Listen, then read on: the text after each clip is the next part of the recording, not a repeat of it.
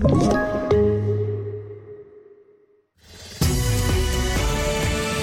TV4-nyheterna börjar med att coronapandemin kommer att få stora konsekvenser för sjukvården även efter att vaccineringen har kommit igång.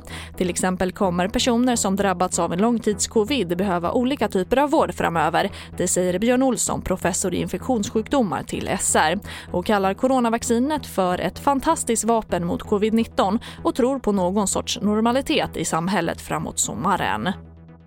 Och ungdomar födda tidigare än 2005 har ju på grund av pandemin fått avstå från idrottsträningar. Men nu kan det bli ändring på det när man i ett förslag från Folkhälsomyndigheten vill att idrottande även ska tillåtas i den här gruppen. Men med vissa begränsningar som att det ska ske utomhus och i mindre grupper. Och kanske är du som lyssnar en person som gärna matar fåglarna så här under vinterhalvåret. Skippa då brödsmulor och kakor men lägg gärna ut svålen från julskinkan. Det tipsar i alla fall fågelforskaren Andreas Nord om. Och det bästa är att använda en så kallad fågelmatare istället för att lägga maten direkt på marken så att maten inte riskerar att hamna i fågelbajs. För fler tips vad du kan mata fåglarna med finns på tv4.se. Jag heter Charlotte Hemgren.